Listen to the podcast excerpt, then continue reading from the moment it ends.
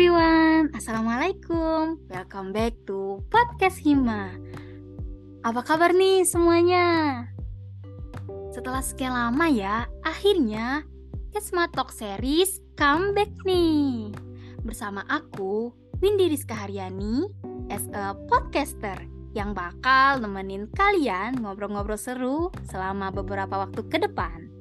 But, sebelum kita masuk ke obrolan seru lainnya, I wanna say welcome to kamu yang mungkin baru pertama kali dengerin podcast Hima.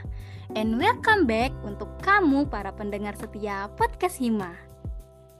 So, High Talks kali ini bakalan ngebawain tema yang sedikit baru nih. Cielah baru apa sih kak?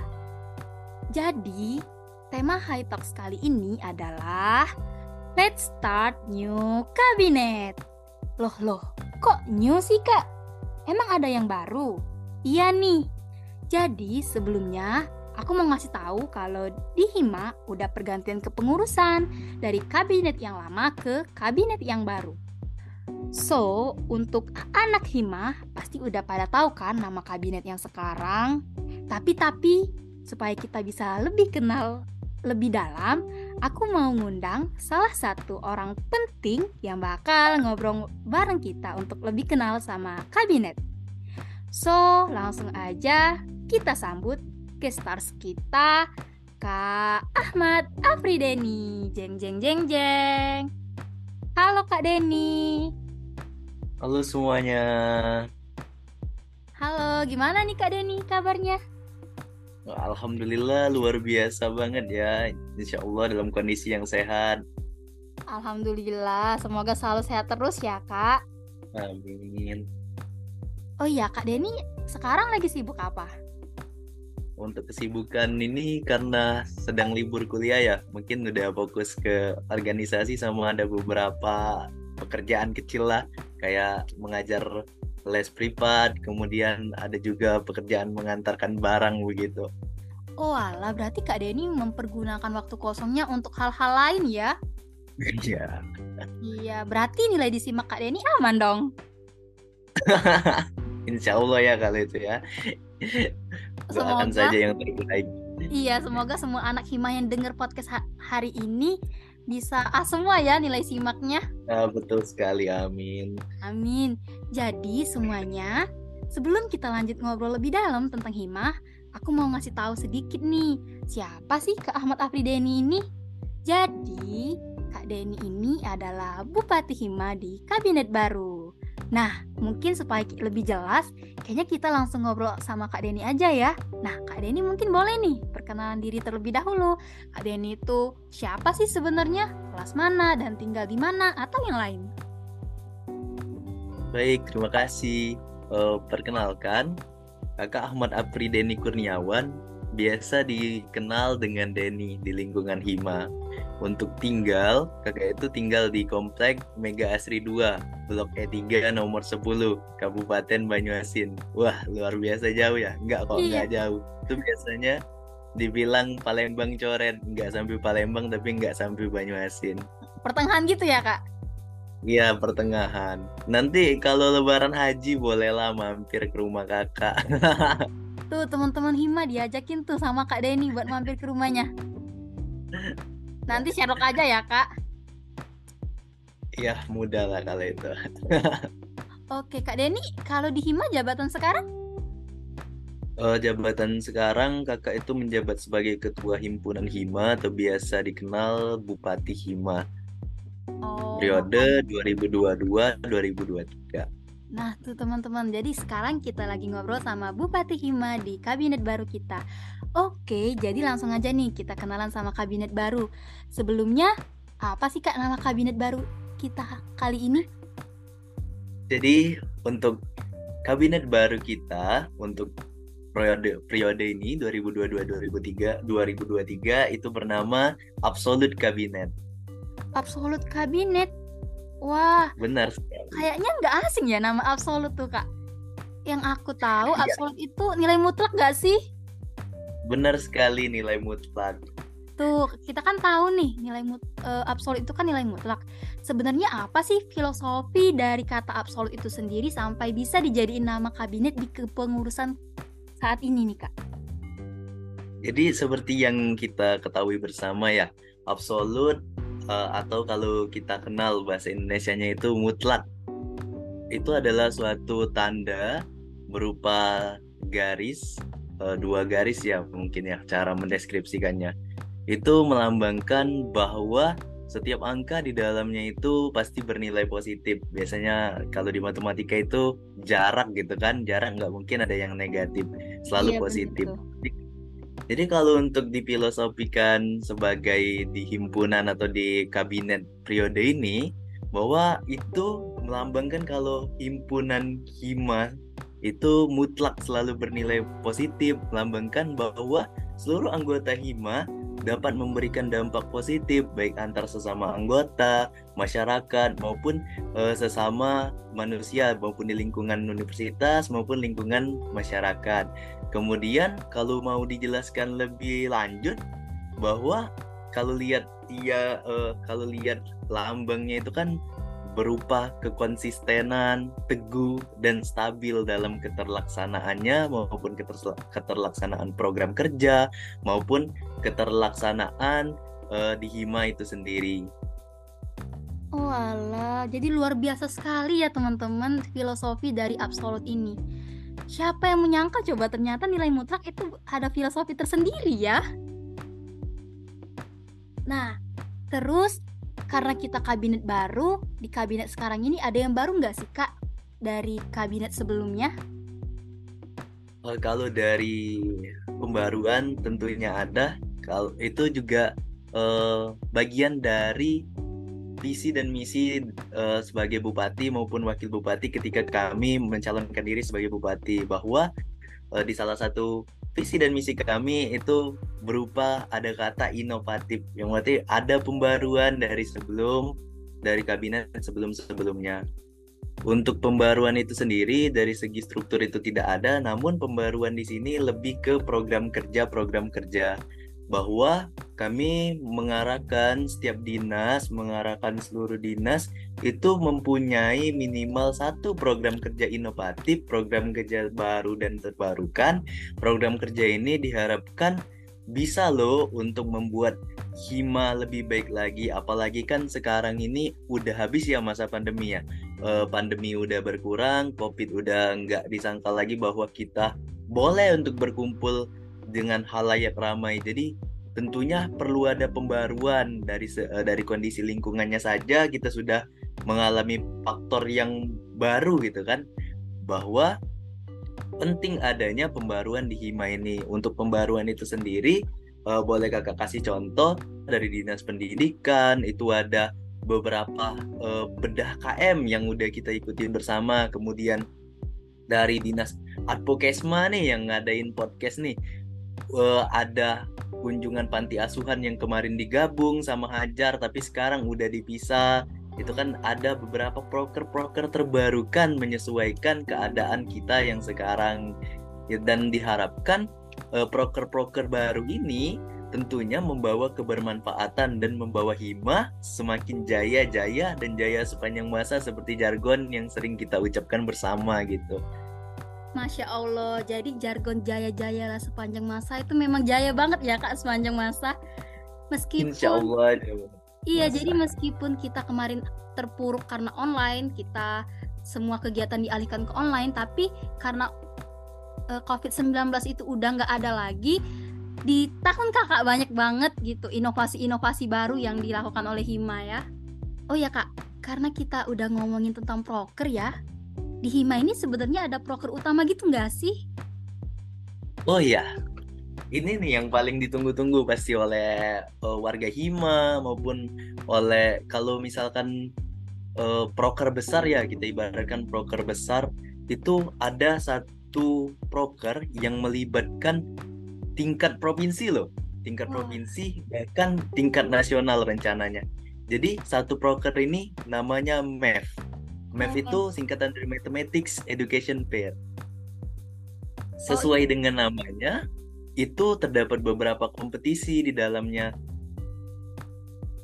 untuk detailnya bahwa MEF ini mengadakan perlombaan-perlombaan seputar matematika. Nah, perlombaan seputar matematika ini seperti yang pertama Olimpiade, Olimpiade Matematika. Wah, semangat banget ya, apalagi nanti yang denger podcast ini mungkin dari uh, orang eksternal Hima yang mungkin nggak tahu kalau Hima ini mengadakan lomba. Nah ini mungkin boleh diikuti loh lomba tingkat nasional. Kapan lagi kan? Ada Olimpiade, kemudian ada. Nah yang terbaru di Absolute Kabinet bahwa untuk di MEF ini akan diadakan Hima Chess Cup. Apa itu Hima Chess Cup kak? Hima Chess Cup itu perlombaan catur. Perlombaan oh, catur. catur. Itu untuk anak SMA atau kuliah atau gimana tuh kak rencananya? Direncanakan direncanakan untuk umum. Tapi karena proker ini akan diadakan dua bulan ke depan, mungkin ada perubahan. Tetapi tetap saja Hima Chess Cup akan tetap dilaksanakan. Lanjut kak, mungkin ada lomba lagi selain Hima Chess Cup, Olimpiade. Itu ada lomba domino loh. Kalian oh. pasti udah sering kan dengar domino? Iya tuh, ternyata domino bisa diperlombain juga.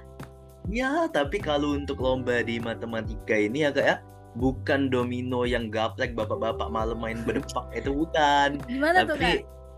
Udah diinovasikan ke matematika, udah di soal-soalnya itu berupa soal matematika yang biasanya di domino itu misalkan angkanya 5 gitu kan, tapi di situ dibuat uh, dalam bentuk soal matematika seperti Romawi atau pecahan kayak 20 per 4 kan sama dengan 5. Jadi nggak gamblang ditulis bahwa anak dari bidak di permainan domino itu 5 begitu.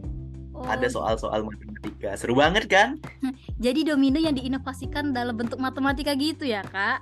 Iya, dan diperlombakan. Dan yang paling menarik kartunya bakal dijual loh. Kan gimana lagi dapet kartu itu? Jadi bener-bener Hima ini penuh banyak inovasi ya di, ke di kepengurusan absolut ini. Nah, teman-teman yang dengerin ini wajib banget kepoin Instagram Hima sama Mev tuh ya nggak kak? Benar sekali. Tuh boleh di uh, klik di Instagramnya Hima Fkip Unsri uh, ataupun di uh, Mathematics Education Fair. Nanti akan ada pembaruan-pembaruan uh, uh, ketika perlombaan sudah dekat untuk dilaksanakan. Oh ya nih, ngomong-ngomong soal proker besar tingkat nasional, sebenarnya ada nggak sih kak kayak kesulitan ataupun kendala selama kakak ngejalanin kakak dan teman-teman yang himam menjalankan proker itu terus kalau emang ada gimana sih cara absolut kabinet untuk ngatasinnya? Uh, tentunya kalau uh, berbicara tentang kesulitan pasti ada lah untuk tantangan tersendiri di balik sesuatu yang besar tentunya ada tantangan, ada rintangan yang harus dilewati bersama. Tinggal bagaimana kuatnya hati, kemudian kuatnya pikiran agar tidak ada terjadinya sesuatu yang tidak diinginkan dari program kerja itu sendiri.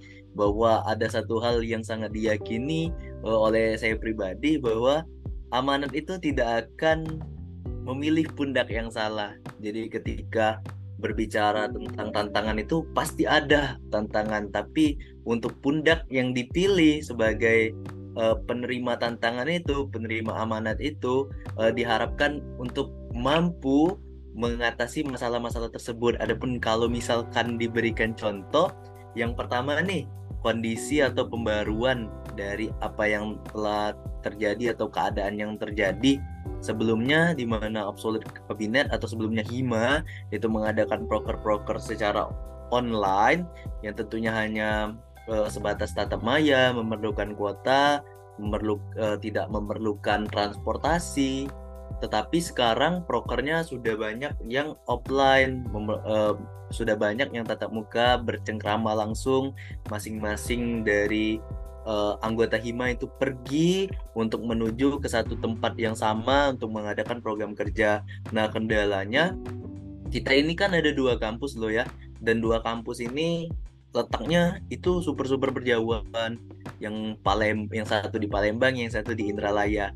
Nah, tentunya transportasi loh kan kita tahu kalau misalkan jalan ataupun uh, kondisi lapangan lah ya, kondisi lapangan untuk menuju dari Palembang ke Indralaya itu sangat mengerikan bahkan udah beberapa kali sempat terdengar cerita kalau ada uh, mahasiswa yang uh, meninggal dikarenakan kecelakaan gitu kan di situ. Jadi uh, harap-harap cemas juga ketika mengadakan proker secara uh, offline, tetapi kami mengada uh, kami mengadakan acara secara offline ini menimbang dari resiko-resiko tersebut bahwa cara mengatasinya yang pertama kami selalu menyewakan bus.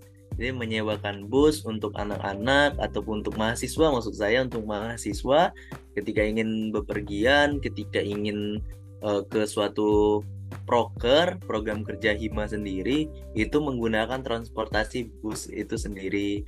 Kemudian untuk kendala yang kedua namanya di organisasi ya pasti banyak pendapat, banyak perbedaan pendapat, tetapi semua pendapat di sini pasti menggaungkan, pasti untuk membuat hima itu lebih berkembang, bukan membuat hima itu lebih eh, membuat hima itu jauh terpuruk bukan. Bahwa seluruh pendapat yang selama ini didengarkan selalu membuat hima berkembang tetapi ada saja perbedaan pendapat. Nah, di sini kami selalu mengadakan rapat, rapat koordinasi, itu setiap bulan rapat progress report dan disampaikanlah di rapat itu apa yang menjadi perbedaan pendapat, kemudian tukar pikiran saling bersama. Jadi perbedaan pendapat bukan untuk uh, berkelahi, bukan untuk uh, bergaduh lah, merasa diri paling benar, tetapi dicarikan jalan keluar terbaik untuk uh, untuk ke depannya apa yang menjadi kesalahan, apa yang menjadi hal yang perlu diperbaiki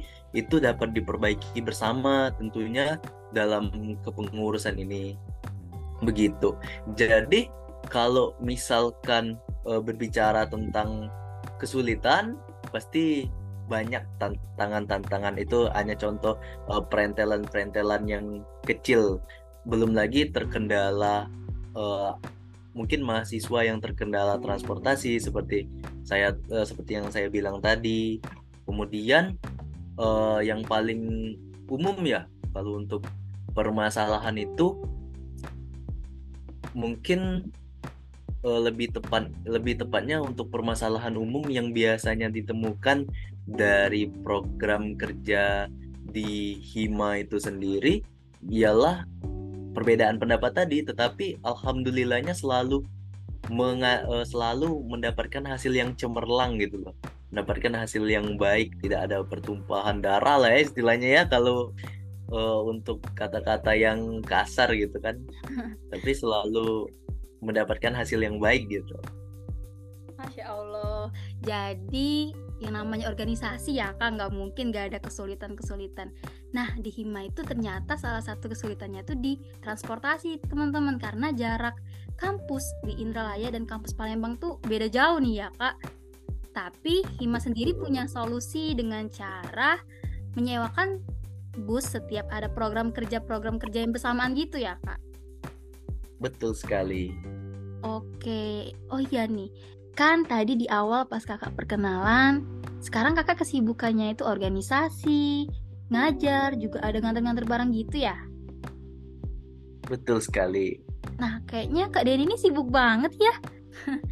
Jadi ngomong-ngomong soal kesibukan, gimana sih cara Kak Denny sebagai bupati atau ketua himpunan matematika ini nge-manajemen waktu kakak tuh di tengah kesibukan-kesibukan kakak?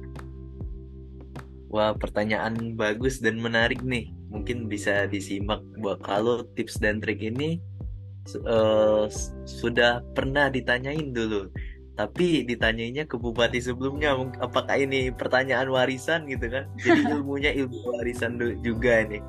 Jadi uh, dulu bupati periode sebelumnya Kak Riki itu dapat ilmu dari Kak Ego yang merupakan bupati kepengurusan sebelum Kak Riki. Jadi mungkin ini uh, ilmu warisan ya untuk manajemen waktu. Jadi untuk manajemen waktu itu diklasifikasikan dulu loh, dikelompokkan dulu eh, kira-kira yang pertama pengelompokannya itu penting dan mendesak, yang kedua penting tapi tidak mendesak, yang ketiga tidak penting mendesak, yang keempat itu tidak penting dan juga tidak mendesak gitu kan. Nah, jadi dikelompokkan dulu, diklasifikasikan dulu kesibukan-kesibukan kita itu. Yang mana loh yang penting dan mendesak gitu kan. Mungkin itu menjadi fokus utama dulu yang harus kita kerjain. Kemudian kalau udah itu udah kita kerjain. Yang kedua tidak penting tetapi dia mendesak gitu kan. Mendesak. Mungkin uh, ada uh, pertimbangan-pertimbangan yang mana dulu yang harus kita kerjain yang mana dulu yang asalkan tidak mengabaikan tugas dan kewajiban kita gitu.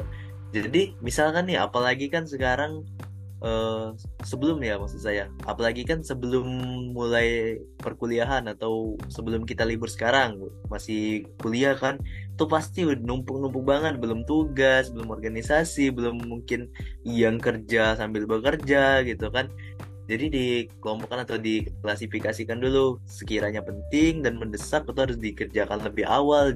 Dan yang paling penting ini mungkin kebiasaan ya mungkin kebiasaan hampir seluruh umat di dunia ini itu menunda-nunda gitu kan. Keasikan menunda-nunda bahkan dirasain oleh diri sendiri juga gitu kan.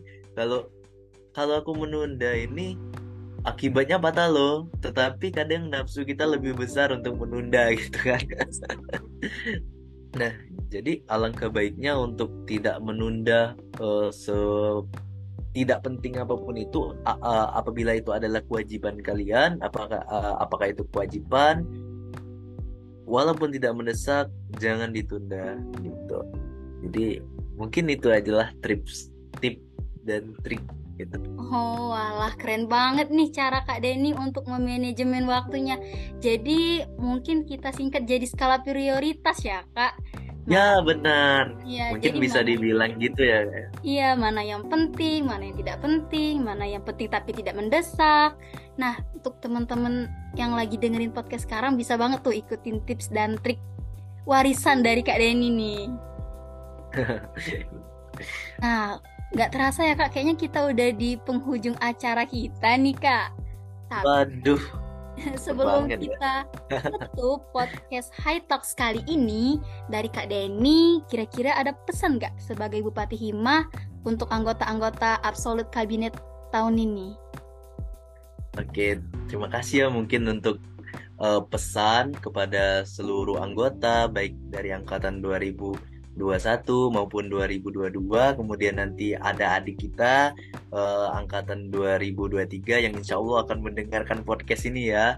Mungkin untuk pesan dari uh, kakak pribadi itu untuk tetap semangat menjalankan kewajiban kita menjalankan apa yang seharusnya kita laksanakan baik dalam lingkungan uh, perkuliahan maupun di dalam lingkungan organisasi seperti Hima ini. Kita ketahui bahwa HIMA ini adalah uh, himpunan uh, mahasiswa matematika yaitu organisasi uh, program studi yang wajib untuk diikuti. Di sinilah loh uh, wadah kita untuk bersama-sama bersilaturahmi, berkomunikasi dan poinnya kita dapat mengembangkan diri bersama uh, untuk tidak capek-capeknya kita bersama-sama membangun hima ini tetap terjalinnya komunikasi yang baik antar angkatan, komunikasi yang baik antar teman uh, sejawat, kemudian uh, kakak-kakak membimbing adik-adiknya, adik-adik adik-adiknya juga menghormati kakak-kakaknya, kemudian adik-adiknya juga memberikan masukan, memberikan apa yang perlu diperbaiki di Hima itu bahwa himpunan mahasiswa matematika di Hima ini sangat terbuka dengan saran, kritik, ataupun hal-hal yang membangun tentunya. Tetap semangat, jangan mudah goyah, jangan putus asa untuk mewujudkan Hima Jaya, Hima Jaya, Hima Jayalah sepanjang masa. Oke, Himajaya, Himajaya, Himajaya lah sepanjang masa nih teman-teman. Nah, untuk teman-teman Absolute Kabinet, ingat ya pesan dari Kak Deni tadi dan semoga kita sama-sama sukses untuk memperjuangkan Hima ke depannya. Dan untuk adik-adik calon mahasiswa Unsri 2023, selamat datang dan selamat bergabung di Pendidikan Matematika. Jangan lupa ya persiapkan diri kalian untuk menjadi mahasiswa. Dan ya, kita benar-benar sudah berada di penghujung acara. But sebelum aku tutup, aku mau ngucapin terima kasih sebanyak-banyaknya sama Kak Denny yang udah nyempetin waktunya untuk mampir dan ngobrol bareng kita di Kesma High Talks kali ini. Terima kasih kembali buat Iya. Advo Kesma dan dengan podcastnya yang luar biasa. Dan semoga kita bisa berjumpa lagi di next episode ya Kak. Amin. And the point of podcast High Talks kali ini adalah untuk kamu, siapa pun itu yang lagi denger podcast ini, tetap prioritaskan hal yang menjadi kewajiban utama kalian ya. Tapi jangan lupakan tetap cari pengalaman baik itu melalui organisasi ataupun pengalaman baru lainnya. Karena guru terbaik adalah pengalaman. Aku Windy Rizka Haryani, pamit undur diri dari perbincangan kita kali ini. Dan seperti biasa, di akhir di akhir podcast kita bakalan ada cover song spesial dari warga Hima. Selamat mendengarkan and see you.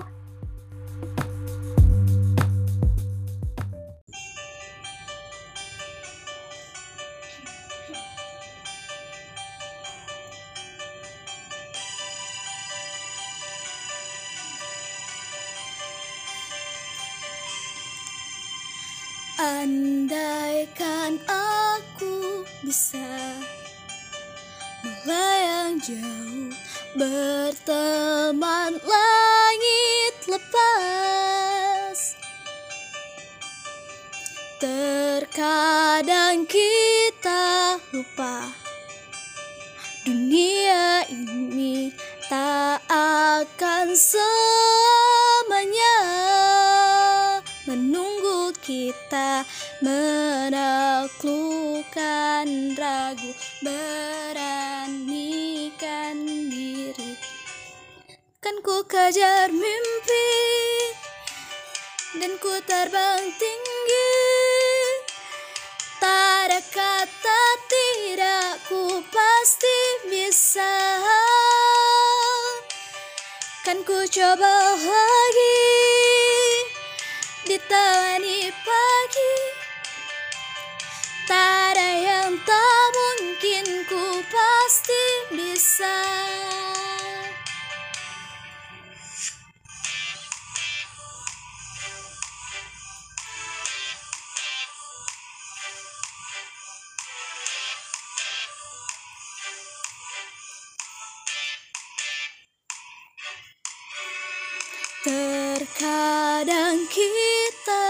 lupa.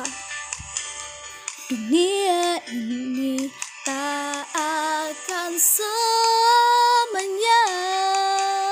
Menunggu kita menaklukkan ragu Beranikan diri. Kan ku kejar mimpi Dan ku terbang tinggi